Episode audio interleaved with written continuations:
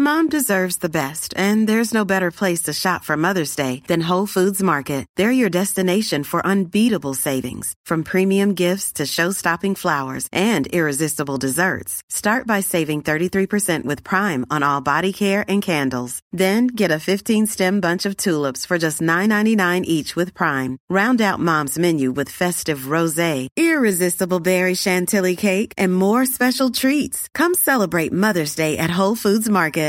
Selling a little or a lot? Shopify helps you do your thing however you cha-ching. Shopify is the global commerce platform that helps you sell at every stage of your business. From the launch your online shop stage to the first real life store stage, all the way to the did we just hit a million orders stage. Shopify is there to help you grow. Shopify helps you turn browsers into buyers with the internet's best converting checkout. 36% better on average compared to other leading commerce platforms because businesses that grow grow with Shopify. Get a $1 per month trial period at shopify.com/work. shopify.com/work. Hey there, it's Michelle Norris. I'm host of a podcast called Your Mama's Kitchen. When I travel, I'm usually looking for a way to find a taste of home when I'm not at home. And one of the things I love to do when I am at home is entertain. And Airbnb allows me to do that. When I was in California recently, I rented a house that had a great kitchen. And when we were sitting around the table, we're all thinking, we're in someone else's house. Someone could be in all of our homes as well. If you have a home, but you're not always at home, you have an Airbnb. Your home might be worth more than you think. Find out how much at airbnb.com/slash host. Da er vi i gang. Det er på tide med ny Scootspod. Yes, endelig. Hvordan står det til? Du var litt bedøvd før i dag når jeg snakka med deg. Uff, jeg har spist så mye trekanter her nå at det er helt vilt, altså. Hva har skjedd? Nei, jeg, eh, jeg har vært og skult ø, eh, fjerne en plombe i en tann, og bedøvelsen som tannlegen satt, den, den tok rett og slett aldri nerva. Så den, den blei aldri helt bedøvd, så vi måtte rett og slett bare begynne å bore uten at bedøvelsen satt. Du en Og det har det meldt seg på noe kraftig i etterkant her, sånn, så nå, så nå har vi spist en del piller. Akkurat. Sånn er det. Men, Hva har men, du gjort, da? eh, Du snøvler ikke? Eh, det klarer jeg ikke å bedømme sjøl. Uff, nei, jeg har gått den sure veien og vinsja elbilen min opp på hengeren. Min eh, trofaste Think, som nå har passert 118 000 problemfrie kilometer. Kjørte jeg diagnose på den i dag, og nå er det en slags eh, software-feil. Så nå har jeg dratt den opp, og den må til Doktor Elbilmek i Asker. Oi. Ja. Og du har ikke fler? Eh, jo. Jo, du har noen flere. Ja ja. Greit. Ja. Da skal vi komme i gang, da. Jepp.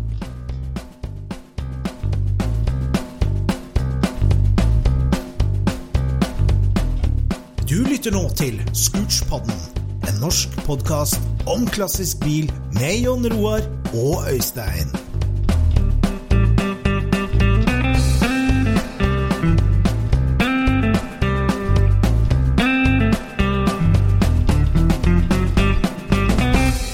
Yes, da er vi her igjen.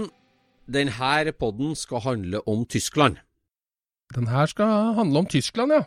Og Tysklands tur, og vårt eh, biannual fenomen, som handler om å tre oss inn i nybygd bil og reise på treff i Tyskland. Ja. ja. Det er jo det er jo liksom kjernen til navnet, og da Vi må jo liksom ta den historien én gang grundig. Altså Ja. Den siste utgaven, da, får vi si. Det blir jo sikkert flere. Ja, vi får håpe det blir mange, mange, mange. Men nå er det jo Ja. straks 20-årsjubileum, i hvert fall for, eh, for min del. Eh, 2001 var første pilegrimsferden min til Hessich-Oldendorf. Så, Ja. så neste tur vi skal på, 2021, Hessich, så er det 20 år siden vi starta med det dette annenhver sommer til Tyskland. Ja. Nei, men det, er jo et eh, jubileum, det òg. Ja, det er et jubileum, det òg. Det handler, går jo kort sagt ut på det at um, allerede i 77 så starta eh, Heinz Willy Lottermann en folkevognforhandler i Bad Camberg, en liten landsby litt nord for Frankfurt. Han starta med sitt eh, folkevogn-veterantreff, Ja. som han eh, arrangerte på Sportplatsen midt i, eh, i landsbyen Bad Gamberg. Mm. som utover 80-tallet vokste til å bli eh, et mekka for folkevognfolk. ja. Etter hvert fra hele verden. Og ja, men det er strengt talt bare for originalbiler, da. Det var det er Lottermann var originalfrik eh, på Ja. sin hals, og, Ja. og satte strenge regler for eh, sitt eh, veterantreff. Og det, Mm. det var Altså, hvorfor akkurat det treffet av alle de tyske for så vidt har vært det som vokste og ble skikkelig stort, det, det var kanskje litt med det at han bestemte seg for å gjøre som OL og arrangere det hvert fjerde år. Eh, At det som da ble eh, lang nok tid imellom til at biler ble bygd, biler kunne transporteres fra langt unna. og og eh, ja, det ble eh, stedet å være da utover 80-tallet og, og 90-tallet. Bad Camberg. Ja, for jeg husker jo første gang jeg kom dit. Eh, det var jo i 99. Det var første gang jeg var der. Det var første gang du var der. Du Det var første gang jeg var der, og da var det jo bare originalbiler, men jeg syns jo det var påtagelig mye amerikanere som var der. Altså mennesker. Ja. Eh, og de skiller seg jo greit ut fra den jevne tyskeren, vil jeg si. Eh, Ja. Med hawaiiskjorter og høy BMI. Så ja, du vet at det, det der starta jo på mange måter med en bildekavalkade i Hot VVS. Um, er Chris Morley, blant annet, vår gode venn, som vi skal komme tilbake til, og, og, og Dean Kirsten dro over eh, tidlig på 90-tallet. Og Ja. la ut da bilder av delemarkedet på Kamberg. Og en Ja. noe ting, altså amerikanerne skjønner swap meet, og de skjønner a good deal. Det gjorde de. ja, ja, ja. Og det, der, og det der var jo som å rappe sukkertøy fra småbarn, omtrent. Når, Ja, så er det ikke så fryktelig langt fra Frankfurt heller, så at eh, det er jo lett å komme seg dit for en amerikaner. Ja, det er jo det.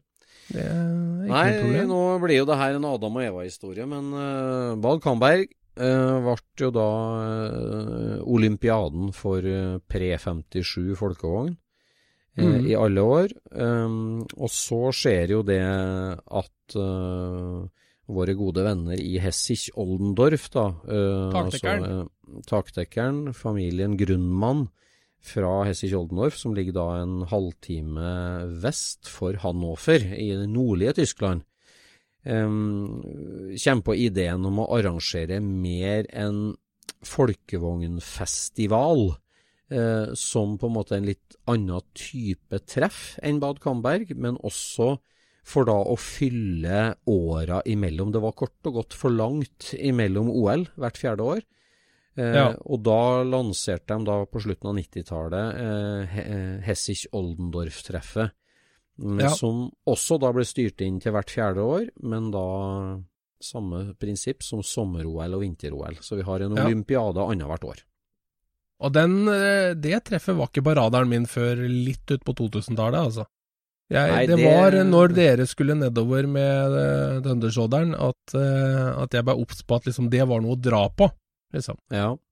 For, for Camberg, det har, det har hatt liksom den, uh, den auraen lenge. Og så Ja. har vel, så har vel sniket seg opp og kjørt forbi, vil jeg si. I, I forhold til hvor moro det er å dra dit. Ja, altså det er jo ikke Det er jo som Grunnmann sjøl sier, det her er jo ikke en konkurranse, det er jo to forskjellige ting. Eh, Mm. Kamberg er et veldig sånn tysk type treff. Samles på ei gressmatte, svært øltelt, eh, ompa-ompa-musikk og dansetropp fra det lokale gymnastlaget, skal vi si. Ja, ja, ja. Og de lager ølmugger, det er veldig tysk. Og liksom Ja. litt statisk, får vi si da. Me- Mens uh, Hessich-treffet og det som Grunnmann-familien sammen med Bjørn Skjeve da på slutten av 90-tallet, var jo veldig motivert av type eh, Solvang, tenker jeg. ja, Husker du det treffet i USA? Jo, men det kom vel det, Ja, jeg skal ikke si Nei, det, det på etterpå, fantes men det var 90-tallet, mest altså. eh, VV Classic og, og som Ja. de var på da på 90-tallet. at At det var masse som skjedde. Det var delemarked, og det var øh, Ja. Men klart, Solvang Solvang-treffet er jo et sånt uh, type treff òg. Men Ja, hvor, hvor, du på en måte har arkitektur som skal liksom minne om Tyskland eller Danmark, eh, og, så, og så har du klassiske biler i, den, i det miljøet, da. Og vips, så har du liksom en sånn nærmest en uh, Disneypark-feeling på det. Ja. Altså Hessich-treff nummer én var jo bare et, et lite hobbytreff som Bjørn og Christian dro i gang, liksom bare som et lokalt treff. Og så mm. ble jo Hessich nummer, nummer, to, det ble jo bare to år etterpå, så det var litt sånn ut av fase helt til å begynne med, der de hadde ikke helt de store tankene klare. Hessich nummer to ble ganske stort, og så var det for så vidt den nummer tre, altså 2001, som var det første med litt stor internasjonal deltakelse. Og, og, okay. og, jeg var der med leiebil. Eh, jeg hadde ikke med meg bil når jeg var der i, i 01. Jeg satt og var kartleser på Hebmülleren til Allan Wind fra Danmark, nummer 601. Eh, og da Det var virkelig en stor opplevelse. Det forandra, forandra mitt eh, perspektiv på, på, hobbyen, må jeg nesten si. Med at eh, det var så mange in, eh, fel, eh, hva skal jeg si, sambygdinger, altså så mange nerder som var på et sted. Det var designeren til Rommertz var innbytt og holdt foredrag. Mr. Kamei himself holdt tale for dagen under middagen, og det var, det, det, var liksom, det var, en helt annen verden. Jeg visste ikke at det fantes så mange kule nerder som var like smalspora som meg sjøl, og det var, var, en enorm oppdagelse for meg. Altså. Veldig bra. ja, så, nei, men skal vi ta oss og prate oss litt gjennom denne turen vi eh, hadde i sommer her, da? Ja, vi snakker sånn, jo eh, det, det, blir jo vanligvis eh, Ja, nå runda vi vel uka, gjorde vi ikke det? Vi var oppe på åtte ja, dager. Ja, åtte dager. Det der har blitt utvida stadig vekk. Vi har jo eh, Mange nordmenn har kasta seg på. Det har vært store norske kontingenter hele veien. Så nå i siste åra så har vi vært en ti biler omtrent, med to stykker i hver. Ja. Som kjører i kortesje fra Oslo og starter på Kielfergekaia. Og nå var det jo Bad Kamberg da sin tur, som på en måte jeg kan si er vinter-OL. Sommer-OL er størst, og det er i Hessich. Og mm. det, det, var i 17, og det kommer i 21. Men nå var det Bad Kamberg 2019, i juni. Og det er jo strengt tatt eh, en dag lenger kjøretur òg, på et vis. Ja, herregud. Altså, det tar, det tar ikke en dag lenger, men for å gjøre det på noe behagelig måte, så må du nesten det. Du må ha en overnatting her. Kiel-Frankfurt med 20 hester og 200 kilo gubb, det har vi jo prøvd uh, mange ganger nå. Ja da. Og det, det, er, det, det er, en, er en tur. ja. Men eh, vi kom jo ikke ned dit uten å være innom dette fantastiske he, minnesløpet til Peter Max Müller. Nei, det Eh, starta jo for en ti år siden omtrent, da når vi var en gjeng skandinaviske entusiaster og engelske entusiaster som uh, fant ut at uh, la oss samles et sted i Nord-Tyskland og kjøre sammen ned til de treffene. Mm. Og hvorfor ikke gjøre det til et, et løp?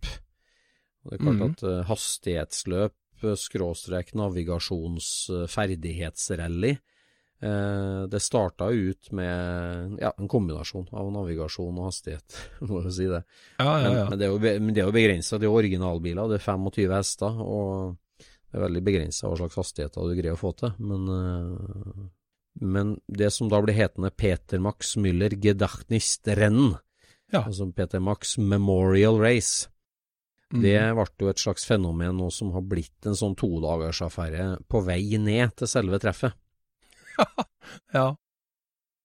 ja det, det, baller på seg i alle retninger, dette her. det gjør det. Det starta som en helgetur, men nå var, ja, som du sa, vi var vel på en uh, nidagerstur, var ikke det sist? Så. Det var kanskje så mye, ja. Ja, det, ja, det blir jo det. Mm. Ja, nei, så da, da har vi jo starta eh, Før har vi starta i Hessisch og kjørt eh, Kamberg. Og vi mm. har starta hos eh, CSP, som er rett nord for Hamburg og mm. kjørte, kjørte Hessers. Og så mm. skulle vi liksom være plutselig hyggelige med de som kom sørfra, ja, og starte i Nürnberg. Ja, og det ble et stykke. Det ble et stykke.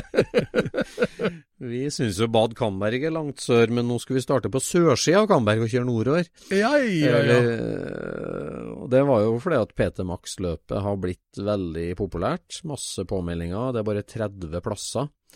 Eh, og det er mange østerrikere og sveitsere eh, som òg har hengt seg på, og som syns det har vært for langt å dra opp til Hamburg for å kjøre ned igjen til, Frankfurt. Jeg ser den. Eh, så derfor så, Jeg ser det.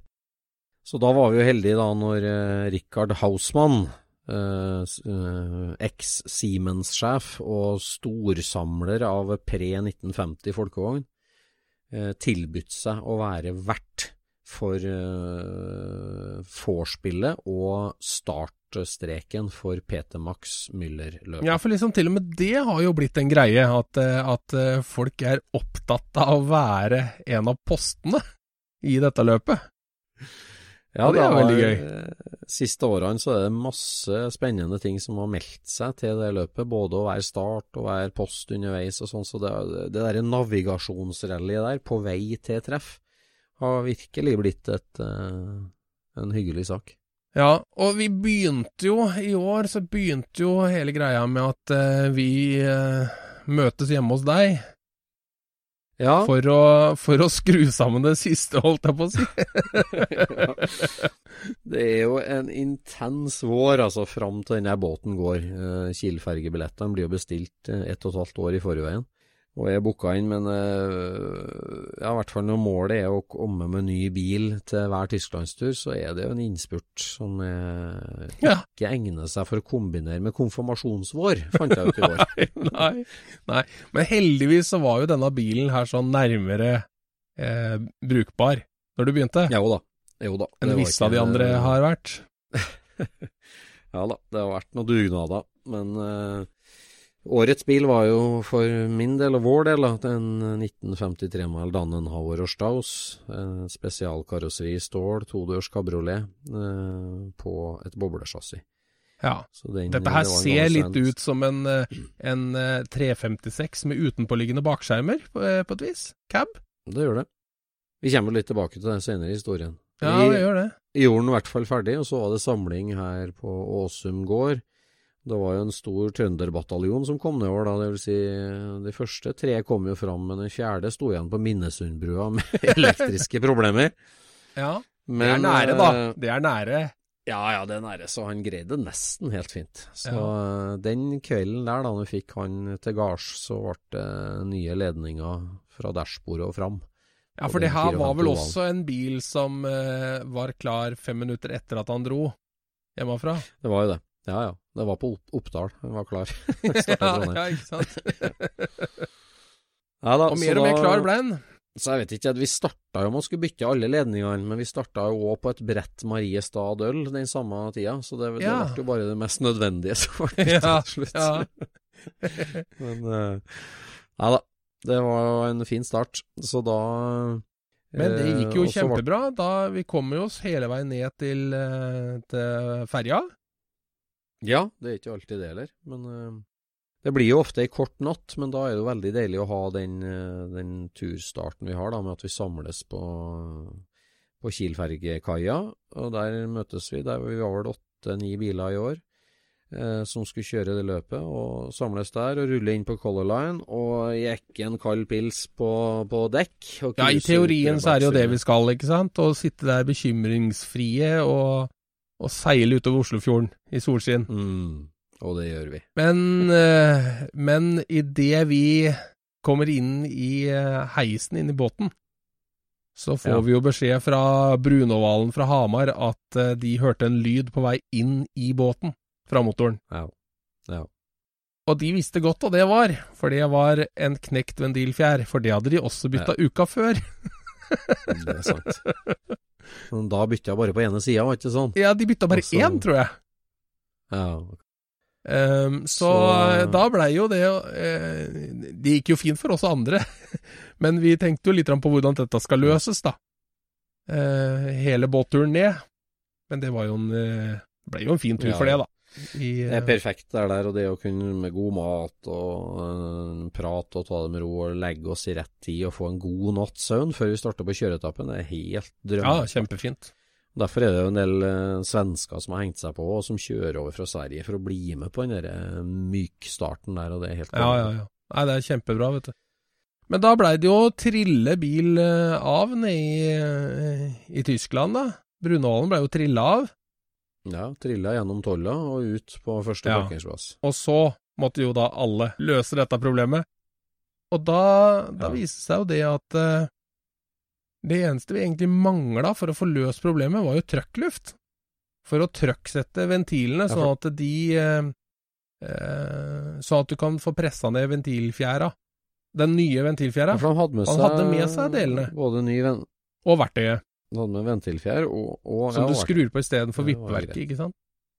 Og da fikk vi overtalt en lastebilsjåfør som sto der med sånne hviletidsbestemmelser, om å få kobla oss inn på trøkkluften som han hadde under lastebilførersetet. Ja. ja, vi var vel innom eh, eh, seks litauere og tre polakker omtrent i, i søken etter en som både hadde luft og riktig kobling på lufta, var ikke sånn? ja, den, eh, det, Så det løste vi til til slutt, da. ja. Så da blei det bytta én ventilfjær der, og så fikk vi vaska henda, og så var det ut på den tyske autobanen. Og rett ned til Bartkeheide, til våre venner på CSP. Ja, nesten, for vi stoppa for å skylle bensin. det gjorde vi. Stemmer det. Og da var vår venn fra Minnesundbrua i Ja, gang igjen. den gule ovalen ville da ikke starte. Og vi eh, kjørte da 150 meter bugpush uten at det blei noe liv. For der var det rett og Ja. slett ikke bensin. Nei. Da stakk et uh, gammelt eh, problem hodet sitt fram igjen. Det var den utsklidde vippepinnen i bensinpumpa. Klassisk, klassisk problem. Med, med slitt bensinpumpe og raklete aksel her, så kommer den ut. På de nyere pumpene så er jo det en C-ring på begge sidene, men den lille 14 mm lange akslingen, den vipper seg ut, og du får ingen funksjon i bensinpumpa. Klassisk boblefeil, som er løst med teip og hårspenner og binders og øh, tau. All verdens. Eh, på, på all verdens. Tyggis eh, husker jeg har i bensinbomben En svær eh, inntørka tyggis på begge sider. Ja, i hvert fall så fant vi ut av det, og så var vi ute på veien igjen, og så rett ned til CSP i Bartgeheide, som er en av Mm. Tysklands mest seriøse folkevogn-delesjapper, med egen deleproduksjon og, og bra utvalg. Veldig bra Og de hadde jo da heldigvis eh, løftebukk, som de eh, velvillig lånte ut til eh, Brunovalen, sånn at de kunne bytte alle ventilfjærene.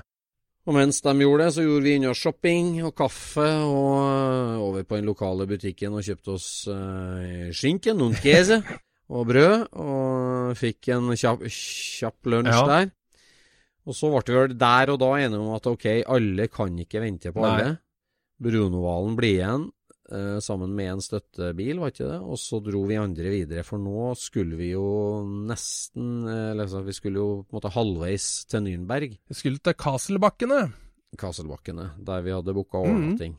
i en liten dorf. Eh, rett ved I en liten dorf. Mm.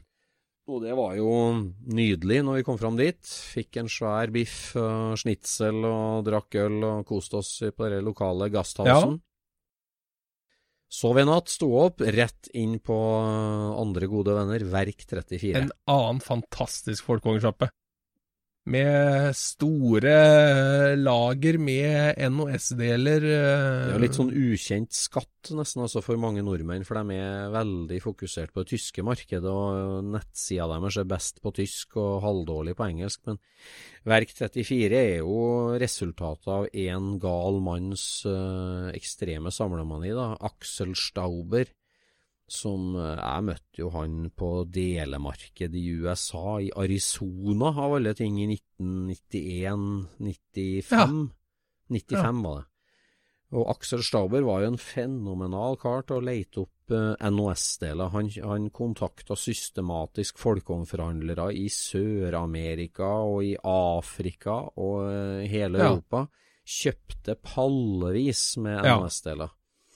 Han reiste jorda rundt og jaga på delemarked. Han var samlere. Han kjøpte stort sett bare NOS. Og han var jo veldig tidlig ut med å kjøpe opp til tidlig vannkjørt òg. Ja. Han kom jo veldig ofte over eh, ja, Golf MK1 og forskjellig sånt. Og, og hadde kjempesamling av biler sjøl. Og, og, og, altså, vi snakker Han hadde vel tre snakker- kjempesvære låver bare med bruktdeler, hadde han ikke det da? Altså, det er liksom så enorme mengder at det er, det er helt vilt. Vanskelig å forstå, altså. Det... Og så døde jo da i kreft eh, Aksel Staber for eh, ja, 12-15 år siden, kanskje. Mm. Og så er det jo hans eh, gode venn da, Gerhard og, og, og en sju-åtte ansatte som driver Verk 34 videre nå, med å utvide med, med en del repro-ting og, og fornya seg stadig på mer og mer vannkjørt, og, og server jo det youngtimer-markedet veldig, men det, Ja. Det Men de har jo alt det andre også, så hvis man sender en e-post dit, til Verk34, Mm. og spør om de har Ja, du kan spørre om nesten hva som helst, så, så går han uh, ut på lageret og, og finner det. Altså, for det er jo systematisert også. De veit Ja. jo hva de har. Ja. Det ligger ikke på nettsida, men altså, det- de vet hva de har. Ja, nei, det, det er jo ja, det er jo dumt å slippe ut det her på poden nesten, men det er, det er et fantastisk sted, og det er klart det er jo veldig Det er service av oss, det, vet du. Det er service. Ja, det, men det er jo en begrensa ressurs. De har ikke uendelig med NOS uh, bremsetromler til Barndal. Det er et visst antall. Nei, jeg husker det er jeg var eh, Jeg dreiv jo og sveisa babus for, eh, for en eh, kompis, og det var da en 68-modell, og de har litt eh, egne bakskjermer. De har eh, tankpåfyllinga på sånn midt på plata. Det har ikke de seinere. Og jeg sendte mail til seks forskjellige eh, folkehornsjapper i, i England eh, og Sverige og i Tyskland og all over for å prøve å finne denne delen, da. Mens eh, når jeg kom ned til eh, verk 34, så spurte jeg etter om han hadde en sånn bakskjerm. Og så sa ja, det er her. Og da hadde jeg da ti stykker å velge mellom. Så da var det bare å finne den med den minst, eh, med minst lagringsskader. Så det bare bare å handle NOS bakskjerm til 68 Bay. Null problem. Ja, det, det er helt konge. Det er helt konge. Jeg har vært der flere ganger, og det alltid fyller det i kurv altså, med, med NOS-deler du ikke visste at du mangla, skulle jeg si. De har eh, Ja, det er så Jeg husker en sånn skjult del som alltid den derre rare, koniske ringen som ligger på bakakslingen på bobla, som da tetter mot en O-ring eh, som ligger rundt aksjeren, og tetter mot simmeringen. Ja, den, eh, Den- slepeflaten der, ja. Ja. Grunnen til at alle gamle bobler lekker olje der, selv om du har bytta der, er jo for at den ringen er utslitt. Og, og det er jo en sånn typisk ting, vet du, der eh, poleringsgraden og stålet forska fram av lang tid av folkevogn, og alle reproer blir bare dårlige, billige kopier. Ja. Så jeg hamstra NOS Sondre når vi var hos Verk 34. Og du gjorde det? Det var lurt. Men han varta jo opp med med pølser og, og sennep og ketsjup Ja, helt konge. før, eh, Ja. før han sendte oss av gårde igjen. da. Og det er jo Vi var jo bare en liten norsk eh, bataljon. Liksom, det, det er voldsom gjestfrihet. Voldsom gjestfrihet. De setter veldig pris på, på besøk og, og internasjonale kunder, det er ikke noe tvil om. Ja, for allerede der møtte vi- vi en amerikaner. Ja, der møtte vi Mr. Charlie Hamill. Det var Hamill sjøl, vet du. Charlie Hamill, busstop. Uh, mannen som har levd av å restaurere folkevognbusser hele sitt liv. I, eh, ja, han ligger jo i Orange County og har, driver verkstedet sitt hjemme, så han uh, kom der og og, på vei til Kamberg. Hadde med seg kona, som satt og strikka ved en uh, grøftekant, mens han jaga gjennom lager 1, 2, 3, 4, kjellerrom nummer 16 og loftsrom nummer 18. Ja. ja. Så Men etterpå så var det rett i bilen. Og så var det bare dundre ned til Nürberg. Ja, ned til Nyberget der vi Det var jo en lang tur og en fin tur, og det var glovarmt. Herregud, vi kjørte ned. Ja, det var ned så varmt, vet du. Vi kjørte nedkabba, og motoren gikk på 104-106 grader hele veien. Vi det, det, var, det var varmt. Heldigvis ikke så mye stau Ikke så mye kø, men eh, vi rulla inn der da på vorspielet til PT Max-løpet som en av de siste, enda vi er medarrangører. Men eh, da, da var jo Hausmann-museet vidåpent. Det var leid inn eh, ølservering, full barbecue, musikkanlegg, border og, og, sveitserne Ja, var, det. var. Det var stil på oss. Det var skikkelig, og det Hvor mye mennesker var det? Må jo ha vært, må jo ha vært over 200 mennesker der?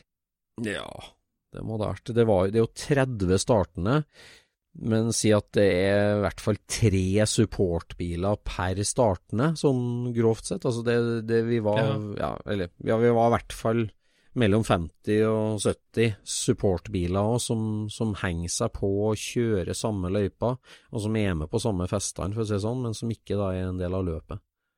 Mm. Og det der, det museet òg, som er bare så fantastisk.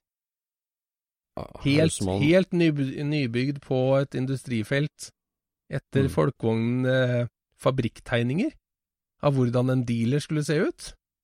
I 1951 publiserte de de første manualen på hvordan en folkevognforhandler skulle se ut, og hvordan den skulle driftes òg, ikke minst. Ja. Og de tegningene han brukte for å bygge museet sitt. Så det Fra helt scratch. nydelig.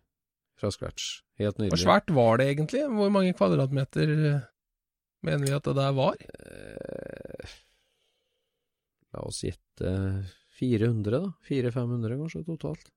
Noe sånt, ja? Jeg vil tenke at det var noe sånt. Jeg tror nesten det må, bli en, må nesten bli en egen pod med alt vi opplevde der. Eh, Ja. Rik, Rikard Hausmann har jo vært eh, på nivå to i Siemens eh, i hele sin karriere. Han eh, var leder for Kinasatsinga, og han har lagt sin elsk på pre-1950 boble. Så han har jo kort sagt ei boble fra hvert år, fra 43 og opp til 50, og så har han jo to-tre av mange av de årene òg. Ja. Så han er all about liksom simplicity og enkelheten med urdesignet i bobla, og er veldig opptatt av ja, originalitet og de aller tidligste. Mm. Og så, Så gikk da- starten der på morgenen eh, etter. Det ble jo en lang og slitsom kveld, med litt forskjellig, og så gikk starten eh, om dagen etterpå. Og da dura vi av gårde, og da er det jo sånn at, eh, at Peter Max Müller-løpet er jo et sånt sightseeingløp først. Første etappene er gitte etapper der du ikke er noe tidtaking eller noen ting. Du skal kjøre til neste post, og du får beskrevet akkurat hvordan det er. Så det, det er en, en sightseeingrunde og en tur. Men det er jo veldig hyggelig Mm. å kjøre. Vi starta med intervall, bare for å få litt flagging og hoiing ved utkjøringa. Ja, ja, Det var jo masse journalister der, og det ble filma, og det ble lagt ut uh, både her og der. Ja. Og så dura vi av gårde til første stopp, og det var et supermerkelig teknisk museum midt imellom Nürnberg og Stuttgart. ja. Nei, det var et heftig museum. Det har vi jo En- Det har vi faktisk nevnt litt grann her, sånn med, når vi snakka om uh, High Chaparral, vet du. Så var vi innom det der museet med deg. Ja, det var Midt ute på landsbygda. Masse enorme maskiner. Helt utrolig hvordan han har klart å få de tinga dit. Det skjønner jeg ikke. Damplokomotiv, helikopter, det var helt ville ting. Ja, det var eh, Og, og så mye svært militært, liksom. Sånne der eh, mobile bruer, og det var liksom Det var enorme ting, altså. Enorme ting. Og så, vi kjørte jo dit på bare småveier. Det var vel så vidt det var to felt, liksom. Ja. Og hvordan har han klart å få de tinga? Det, det skjønner jeg ikke. Det Nei, skjønner jeg ikke. Det var uforståelig. Det var, Men det var jo et helt fantastisk sted, da. For en samling. Helt fantastisk sted. Og vi eh, Nå er jo han død, han som samla alt det der, så det er jo kona som driver det videre. Mm. Og eh, det var jo litt folkevogn der, men ikke veldig mye. Eh, Men det var jo helt vanvittig. Alt fra tanks til damplokk til Jagerfly. til Ja, ikke sant? Ja, det var helt vilt. Og helikoptre og Ja, nei. nei, det var, det var litt av noen greier. Men, men også når vi, når vi skulle kjøre vekk derfra, så hang vi oss Mm. på en, en som var lokalkjent. Det er jeg ikke sikker på var det lureste vi kunne ha gjort. Ja, men det ble jo en epic tur, da. Ja, det blei en epic tur, for at vi havna da på eh, noe som er mindre enn Bundestrasse. Altså, det Ja, I Norge var ville vi kalt det gårdsvei. Ja, det var gårdsveier. Og det Mm. var så langt. Og han kjørte så utrolig fort. Ja, han gjorde det. Det var Og vi hang på, for da, da var jo dealen at da spiste vi lunsj sammen der, og så var det oppmøte på Porsche-museet i Stuttgart eh, et klokkeslett etterpå, det, Ja. sånn pluss-minus. Så det var bare å komme seg dit og velge veien sjøl. Ja. Og vi hang oss på han som var kjent med han, ja. Og det, det var jo vanvittig kule veier, da. Ja, helt. Grusveier, smale asfaltveier. Det var ja, opp og ned gjennom skauer og over demninger og gjennom gårdstun. Det var jo helt fantastisk. Ja, det var det. Altså, og, og den Danhaveren har vel aldri passa bedre inn enn på den, eh, på den ruta der. Det så jo ut som postkort var- hele tida, liksom. Ja, Helt var fantastisk. Det var det. Var det. Det var stilig. Og så, Og så- kom vi inn i Stauen i eh, Stuttgart, Ja, og så var det å stampe seg fram til eh, Porsche Platz 1. Ja, det var det. Vi uh, rulla inn på Porsche-museet, og der eh, hadde jo jeg snakka med vår venn eh, Frank Jung, som er leder for Porsche-arkivet. Eh, og han hadde eh, sa liksom det at eh, ja, vi har mange besøk og vi har, har det travelt og sånn, vi vet ikke helt om vi greier å ordne så mye spesielt sånn, men, men kom liksom, og det er helt topp. Men når vi kom dit, så sto det jo hvitkledde folk og vinka oss inn på eh, virkelig superplassen. Den Ja, rett utafor inngangsdøra. hvit italiensk marmor à la Operahuset, som dekket hele området under bygget. For hele Porsche-museet er jo en heksagonal kloss som står på noen stolper, rett og slett. Ja, den dingler i lufta. Det er helt merkelig, det bygget, altså. Helt merkelig bygg, vet du. Det ser ikke ut som det, det, det står, liksom. Det virker nesten som det flyter over plassen. Ja, det er helt spesielt. Så under der, rett ved inngangspartiet, så lina vi opp alle PT Max-racerbilene. Og da ble, da ble mm. vi imponert, for det, det, det, var, det, det hadde de rutine på, Jon Roar. Å line Ja, opp biler hvit marmor. ikke bare hadde de rutine, men de hadde til og med sånne drip trays. Så de var jo rett ut og bare stakk under alle motorene. De hadde drip tray. olje. De hadde drip tray-skap som de trilla ut, låste opp. Der lå det lina opp. Rett under eh, våte girbokser. Det var Helt konge. Ja, ja, det var stilig, altså. det var det. Så Nei, det var, eh, det var artig. Og så var det inn på museet. ja, rett inn i workshopen først, da, i verkstedet der de eh, Det er jo ikke hovedverkstedet deres, men det er liksom et vedlikeholdsverksted for eh, museet, der de gjør klar eh, mange biler og, bygger biler òg. Fikk vi omvisning der. Det var helt Ja. konge. Det var veldig gøy, altså. Da var vi nære bila. Da Der inne var det ikke noen stengsler. Ja, Sto og kikka ned i motorrommet på, på 914 med, med åtter i, og nei, det, var, det var ganske gøy, altså. ja. Så en 550 Ja, i ja, alle sine deler, og, og en American Roaster sto det der, og Ja, nei, det var helt uh, Det var virkelig artig. Ja, og så var det jo eh, Tok vi rulletrappa opp og, og gikk gjennom Porsche-museet, da. eh, den offentlige delen. Mm. Og det er jo veldig kult laget at du på en måte starter på toppen, og så er det en slags vandring der du ja, vandrer gjennom historien, og det, var, det er jo så flott. Ja, altså. kjempefint. eh, Ja, veldig, veldig bra. Og som vi snakka om, at bilene står Du kan liksom gå rundt og ta på alle bilene. Altså det, i det teorien så kan ni- du vel det. Var ni, det, var en, det var jo 917 special når vi var jo mange 917 var det der. Det må jo ha vært fem-seks stykker. Det var ganske mange. Ja, det måtte ha.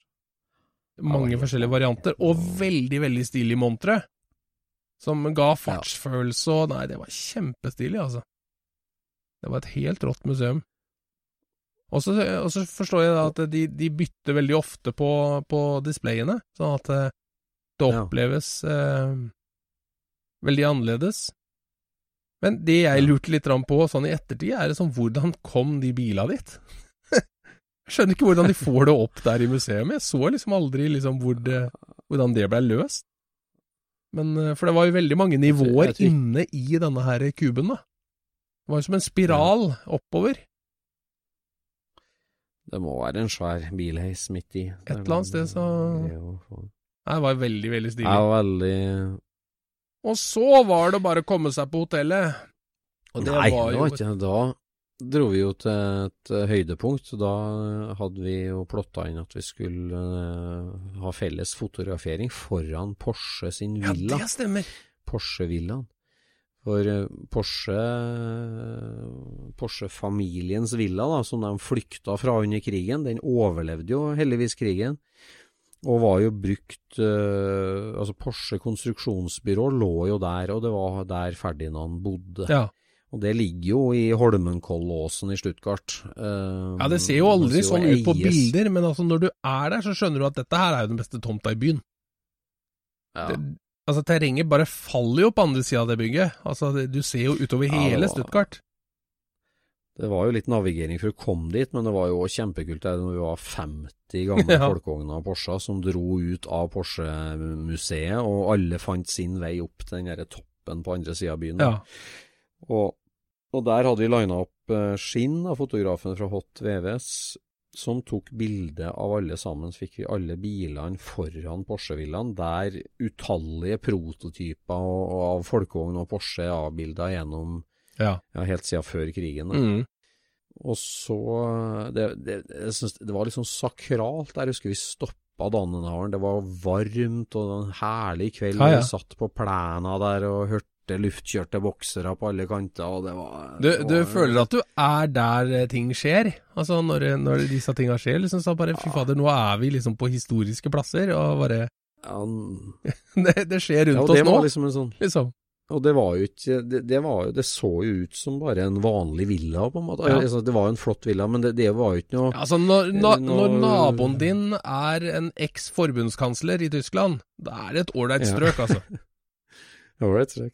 Ja, men da tenker, jeg, det, det er jo ikke noe sånn bronsestatue eller eh, gjerde hold avstand. Sånn, så det, det, det ser jo ut som en sedat, stilig, flott villa, liksom, som, Mm, eh, ja som ligger der. Det var jo kjempeartig å være der, altså. Veldig gøy. Og så dro vi jo ned på Autoworld, som er Et helt gjennomsnittlig bilmuseum, vil jeg si. Nei, ja, det var det men, ikke. Men, men hotell. Men hotell, ja. Fy fader, det var, det var også en opplevelse. det Et, et bilhotell der rommene har biltema. Og det er klassisk bilbutikk i lobbyen. Og det er V8-restaurant og pub litt lenger bort. Jeg tror aldri jeg har sett flere 300 SL eller 500 K noen plass, jeg. Ja. Det var jo helt var- vilt hva det var sånn bil som sto der. Ja, det var helt vilt. Fy fader, det, det, Eh. det hotellet kan anbefales. Altså, det var, det var veldig moro. Det var veldig moro. Autoworld i Stuttgart. Skikkelig tøft. Så var det natt, og det ble seint, og Skinn tok bilde av oss med Fish Islands på, på iPhonen sin. Det, ja, det fikk jo litt sånn etter, etterspill, men men Alle, alle sammen fikk uh, Fish View-bilde av seg sjøl. Det var litt artig. det var, ja, det var moro, det. Og Så- så, så dro jo flesteparten rett til, til Sinsheim, var det ikke dit de dro? Men det gjorde ikke vi. Nei, det var jo Så Peter Max-løpet hadde jo lagt opp til da at vi skulle eh, stå opp i Stuttgart og så kjøre rett opp til Sinsheim, verdens største og mest utrolige tekniske museum. Eh, Teknikkmuseum Sinsheim drives jo og eies av én mann. Han fyren som driver det herre stillasfabrikken Leiher, Ok. som uh, finnes over hele Norge og hele verden, egentlig. Jeg forstår han tjener altså uendelig med penger, og er fullstendig teknisk gal. Ja. Så det er pengene hans og samlinga hans. Jeg trodde jo det var en, en statlig institusjon, men det er én manns verk, altså Sinsheim Muse- Teknikkmuseum Sinsheim. Så det var jo det offisielle turprogrammet. Men dit dro ikke vi. When in Rome, eller hvordan er det i sengen, ja. Så da, for eh, vi kjørte jo da, vi må snakke litt om det, eh, Dannenhauer og Staus. Dannenhauer og Staus var en eh, far og hans svigersønn. Som Kortversjonen av det er jo det at eh, Mr. Dannenhauer han var eh, karosserimaker hos Reuter før krigen, og var med og bygde karosseri hos Reuter. Ja, Mr. Dannenhauer han starta opp eh, etter, eh, etter, krigen ville han ikke jobbe for Reuter mer, starta sitt eget karosseriverksted, og så eh, gifta dattera seg med Mr. Staus. Og Mr. Staus han var kjøpmann og handelsmann og smarting. Og han eh, satt og så over gjerdet da, til, til Porsche-fabrikken i Stuttgart, eh, på andre sida av byen. Ja. Eh, og der eh, fikk jo han se den lekre eh, Porschen 356 som rulla ut av samlebåndet hos Reuter da i 1950-51. Mm. Og så sier han til han eh, svigerfar sin at fader, eller det her kan jo vi konkurrere med, vi kan jo bygge vår egen bil, Dannenhauer og Staus. Ja. Vi starter firma, og vi lager bil.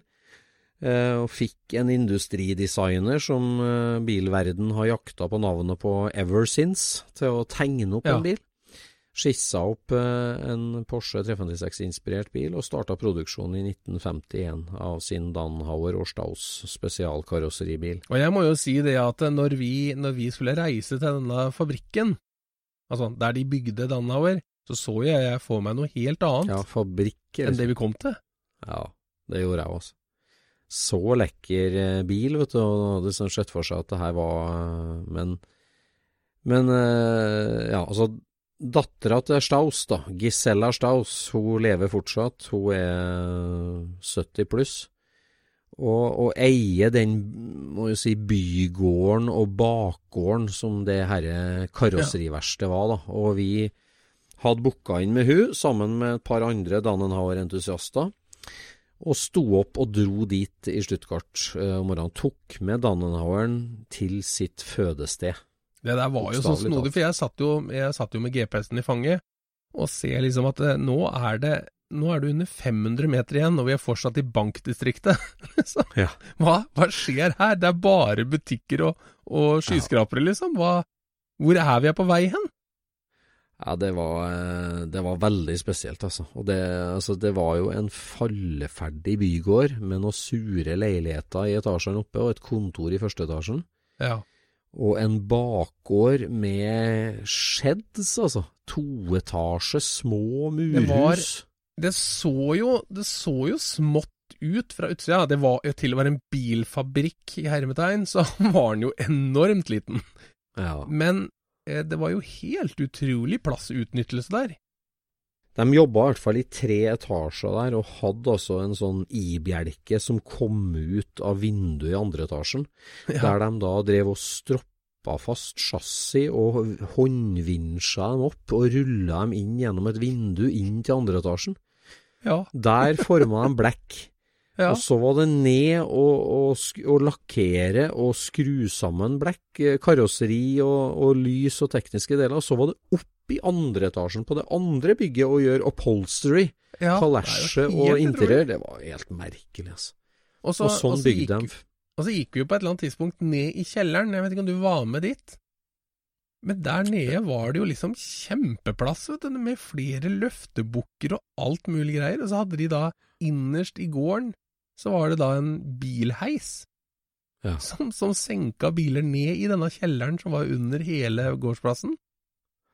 ja, det var helt utrolige utrolig greier, altså. Ja, Veldig spesielt sted. altså. Det, det som var så veldig fristende, syns jeg, det var jo det at verktøyet sto der, og skiltene og malene og ja. treverk og biter. og ikke bare det, men også liksom dere, altså sånn tysk 50-talls bilverkstedting som stoler, lamper, hyller, ja. bankene, Det var jo så kult, og det var jo så nedstøva ja, og nedslitt. Ja, for hun dreiv jo et lite bilverksted fortsatt, du. Ja, hun piska jo to polakker rundt der som drev og bytta støtfangere på Jetta og Passata, og, ja, ja, ja. gjorde litt sånn crash collision repair, da, men det var very bad times, da, very bad times, og hun røyka som en svamp. Og... Ja. Det var, men, men, det var Vi skal ikke snakke det ned heller, for at Nei, var hun var veldig stolt av det, det som bestefaren og, og, faren hadde fått til. Hun var veldig ja. stolt av det. Og, og, Hun sa jo det at hun hadde jo hatt besøk av mange biler, men det, din var den første som hun faktisk fikk sitte i. Ja, hun sa det. Det var litt artig. hva sa hun, var det femte bilen som hadde vært der, kanskje? Eller Ja, fjerde noe sånt bilen, Noe. eller noe sånt. Mhm. Og, og hun hadde visst også noen bilder av eh, Altså, hun hadde jo et bilde av vår bil, faktisk, også, som er tatt i Sverige. Altså, eller bilen min, da, når den eh, kom til, til, til Sverige, så ble det tatt noen bilder av henne som et slags sånn reklamefoto, og et av de bildene hadde hun faktisk og visste oss. Og så fikk vi jo hadde hun en gråpapirpakke inni et skap der med originale Dannenhauer og Staus eh, karosseriskilt som ble satt på da på høyre framskjerm på alle bilene. Og vi, Ja. eh, vi fikk et sånt skilt, da det skulle alle bileierne få som kom dit. Så det var veldig artig. Ja, nei, det var veldig, veldig stilig. Nei, så det var jo greit å hoppe Sinsheim for å, for å få den opplevelsen der. Det var artig, det, Ja, altså. Det var det. Det var, Det var stort. Så det kostet seg i bilen, da. Da var vi jo to Dannenhauere. Det var jo en hvit 52-mæler som var nettopp kjøpt fra Wien, som som òg var med. Så vi var to biler og seks-sju folk som var der. Kasta oss i bilene og dura opp til en liten Rastbahnhof-tagstelle. Nei, en rast, Rastplatz. Rastplatz! Ja, Eh, som det var den offisielle starten av eh, løpsbiten av Peter Ja. Max eh, Müller Gedachtnichtrennen. Nå er vi kommet fram til et av eh, ja, milepælene der, for da, da hadde jo resten av gjengen vært på Sinsheim, og det var synd å gå glipp av det, men det får vi ta en annen gang. Mm. Så var det samling da på en rastplass uh, som uh, kartfyrer Uberburgermeister Vegard har lagt opp eh, løypa til sjølve Peter Max-løpet. Ja. Og der hadde vi jo faktisk Le Det ville være start, ja. Det var litt, det var hasardiøst, får man nesten si. Ja, for de tyske, de tyske turistene som var ellers på, på denne her eh, rasteplassen, de lurte jo litt Ja. på hva som foregikk der, da. Ja, de lurte litt på Det var eh, Så da var det samling der, og da er jo eh, For å forklare de reglene enkelt, da, så skal vi skulle jo fram til samme målstrek, alle sammen. Og så er det da delt opp i tre klasser. Det er helt originale biler, og så er det originalmotorer med dobbeltgasser, og så er det en stormotorklasse. Eh, alt skal være trimming fra før 1960 mm. og tidsriktig trimming og sånn. Og så gjelder jo alle vanlige veiregler i Tyskland. Det, du, du, blir, du, blir, du blir diska fra løpet om du får fartsbot. Ja. Ikke om du, ikke om du bryter en fartsregel, men om du får fartsbort på udiska. ja. Det er en forskjell der òg. Og så er det jo et navigasjonsløp. Basert på hvilken klasse du stiller i, så må du innom et visst antall checkpoints. Det er strødd utover en sju-åtte checkpoints eh, på et geogra stort geografisk område. Kjører du en bil som går sakte, må du innom eh, si tre eller fire checkpoints. Kjører du i den midterste klassen, må du innom en fem-seks.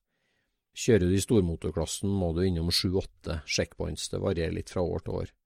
Mm. Og så er det da Du kan bruke GPS så mye du vil, og du kan navigere så mye du vil, men alle får delt ut kartet i det øyeblikket starten går.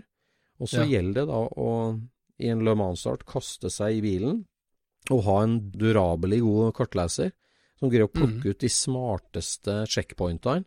Og så gjelder det da å finne den ruta for å, å komme deg til hvert checkpoint, og komme deg over målstreken fortest mulig. Ja. Ja, ja. Og det, det funker utrolig bra. Så det konseptet funker veldig bra. Ja.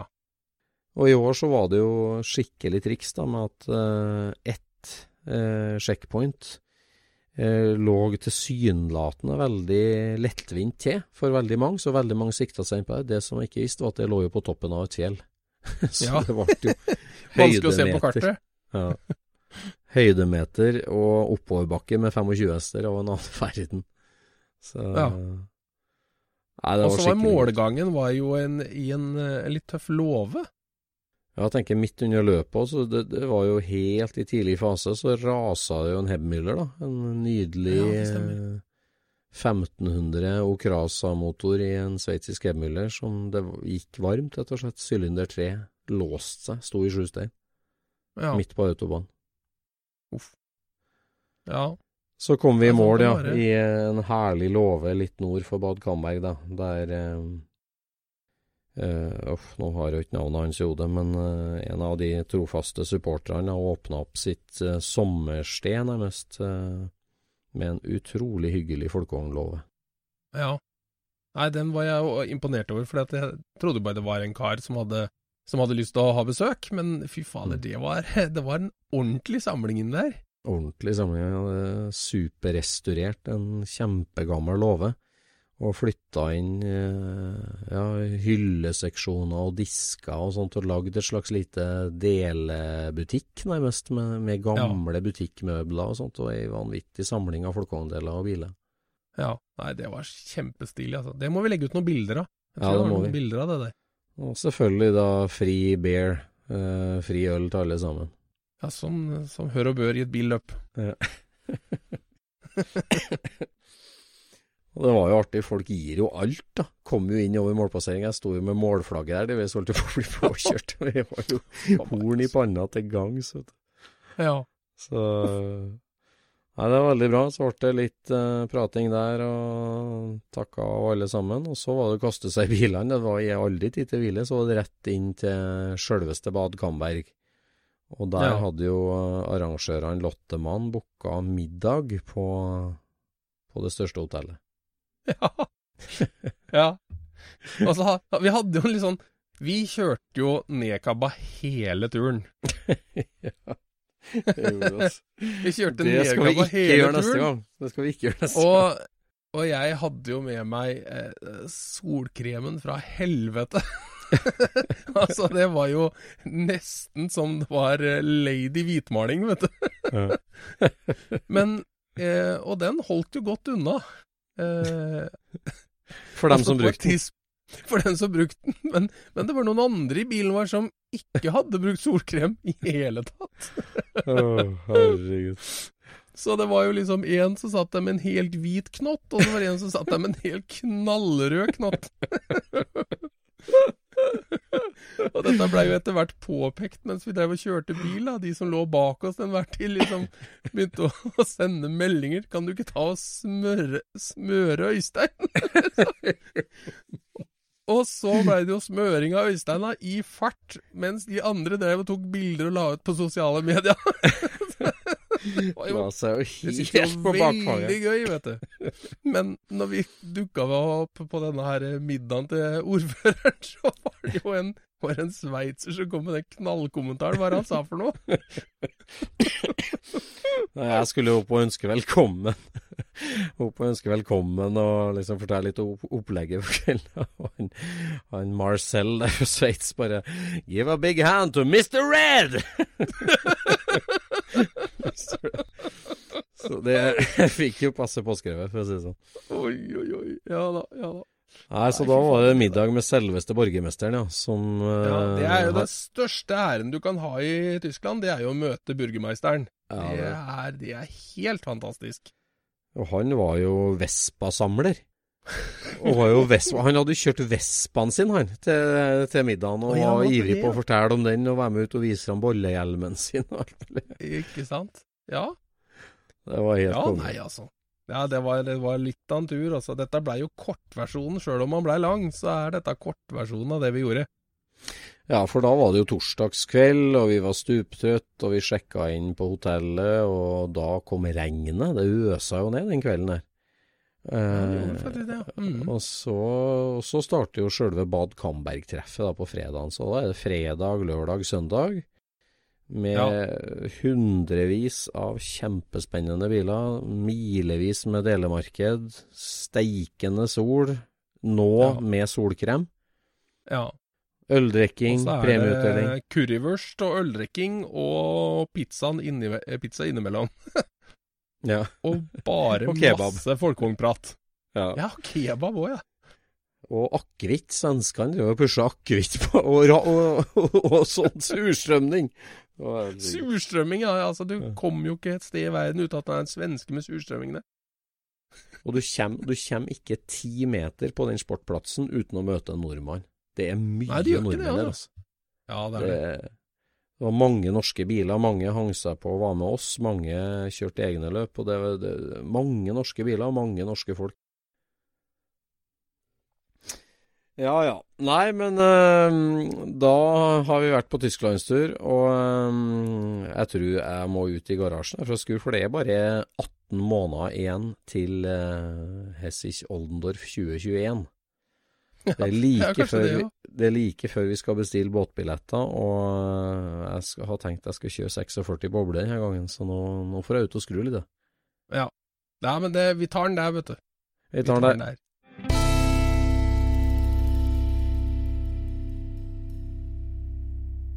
Yes, da er vi tilbake igjen, og det siste vi skal snakke om i denne podden, det er jo uh, det nye konseptet fra SSC, som vi dro i gang i fjor, eh, nemlig SSC Snow and Tell. Yes, Snow and tell. Et biltreff uten bil. Helt uten bil. ja. En bilhobbykonferanse.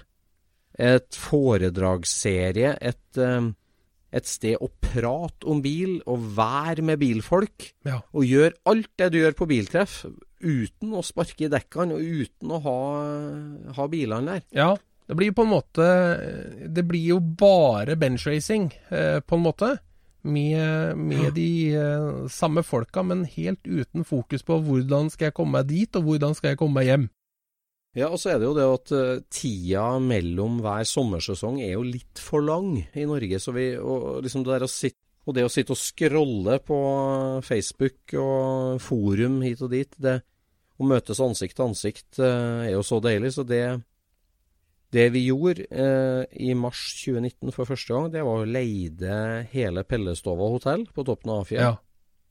Og inviterte bilentusiaster til å ta ei helg eh, midt på vinteren med deilig mat og deilig bilprat. ja. Det blei jo ganske bra, det. Ja, vi må si at det ble en kjempesuksess. Mhm.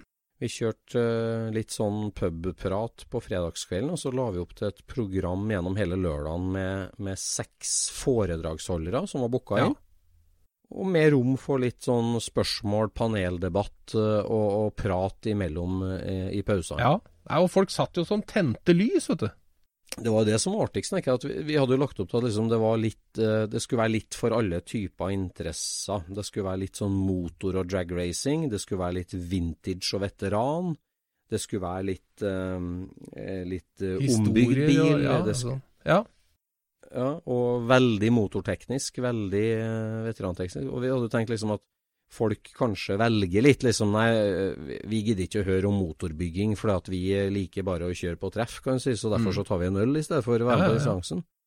Men folk, alle skulle ha med seg alt. Alle satt gjennom eh, alt, vet du. Og, og dragrace-folket skrøt jo mest av vintage-innleggene. Og vintage-folket syntes det var dritkult med Johannes Persson som fortalte om motorbygging. Så Ja, det var ja. Nei, det var det var veldig, veldig moro. Og det, det legger vi jo opp til i år òg. Eh, litt gamle helter, litt for alle, liksom. Altså, vi prøver å blande innholdet her også. Ja, nå snakker vi 2020, og Pellestova er booka, og det her er Hvilken helg er det igjen? Det er jo av første helga i mars. Så det er, Første helga i mars. det er sjuende og åttende. Vi er der. Vi er tidlig i mars. Hele Pellestova er booka. Ja. Arrangementet heter Snow and Tell, og det handler om masse snø og eh, en hel foredragsserie. Og nå er jo bare noen, noen på plass. Nå hadde vi Johannes Persson og Kjell Aaen og forskjellige helter i fjor. Mm. eh, i 2019, men i 2020 nå så har vi i hvert fall to kule navn på blokka. Og vi har masse eh, tanker om og dialog med for å fylle hele Ja, ja, vi er i dialog med, med mange, og vi, det er jo flere av de som har sagt at de vil. Det er bare så få liksom spikra helt eh, med kona at de får lov å dra.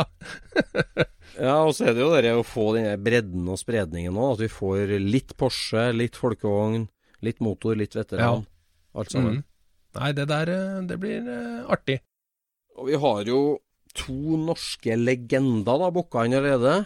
Ingen andre enn selveste Tor Øyvind Skinne. Tor Øyvind Skinner. The world famous Skinner Beetle. Can he put it on the track? Ja, Holy moly! ja, det, det blir så Ja, det bra. blir veldig Tor moro. Øyvind Skinne. ja han er jo Han er jo så genuin, ikke sant? Altså, han, han lever og ånder for trimming. Og der er det mye Ja. historier, altså. Ja, det, det skal bli så bra, det der. Og, um, og så fikk vi jo nettopp nå bekrefta motorsportslegenden, en av de første i Norge som kjørte racing med folkevogn. Definitivt den første som kjørte racing med Porsche 911. Okay, ja. Den aller første demomodellen som Møller tok hjem, den fikk selveste Kjell Gudim. Kjell Gudim. Og Kjell Gudim, han har sluppet bok om sin utrolige karriere. Han kjører jo fortsatt. Og Kjell Gudim har med seg en bunke bøker, og han kommer til fjells ja, det blir moro. mars på Det blir moro. Ja, det blir helt konge. Og så kjører vi litt sånn nordisk miks, da. Vi har jo tenkt å gå over til engelsk etter hvert der òg, men, men, vi kjører jo svensk. Ja.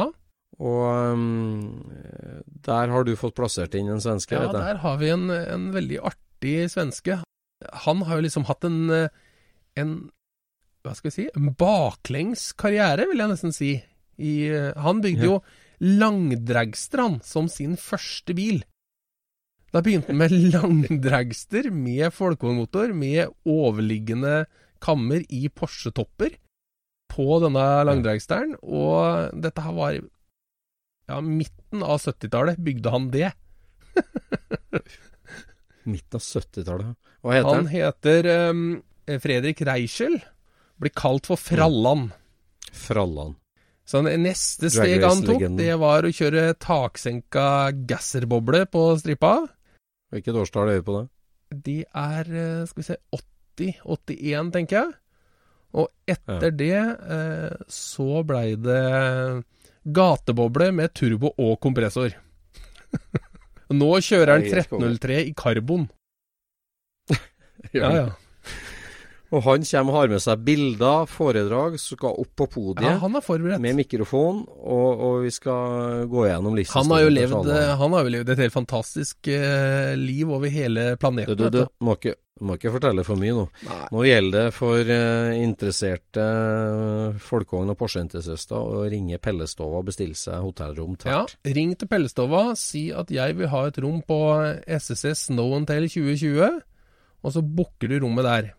Og så skal vi legge ut mer av det detaljerte programmet.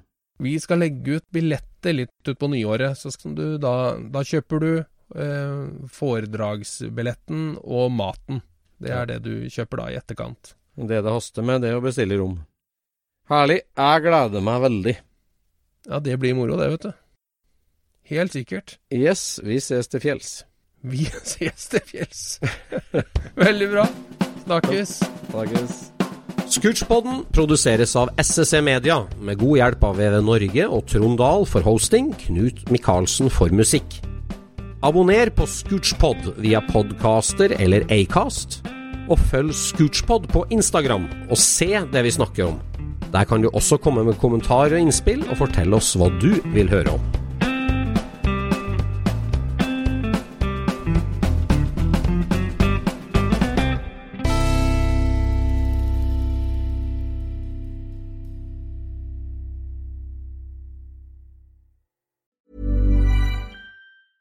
Planning for your next trip? Elevate your travel style with Quince. Quince has all the jet setting essentials you'll want for your next getaway, like European linen, premium luggage options, buttery soft Italian leather bags, and so much more. And is all priced at 50 to 80% less than similar brands. Plus, Quince only works with factories that use safe and ethical manufacturing practices. Pack your bags with high-quality essentials you'll be wearing for vacations to come with Quince. Go to quince.com slash pack for free shipping and 365-day returns. Mom deserves the best, and there's no better place to shop for Mother's Day than Whole Foods Market. They're your destination for unbeatable savings, from premium gifts to show-stopping flowers and irresistible desserts. Start by saving 33% with Prime on all body care and candles. Then get a 15-stem bunch of tulips for just $9.99 each with Prime. Round out Mom's menu with festive rosé, irresistible berry chantilly cake, and more special treats. Come celebrate Mother's Day at Whole Foods Market.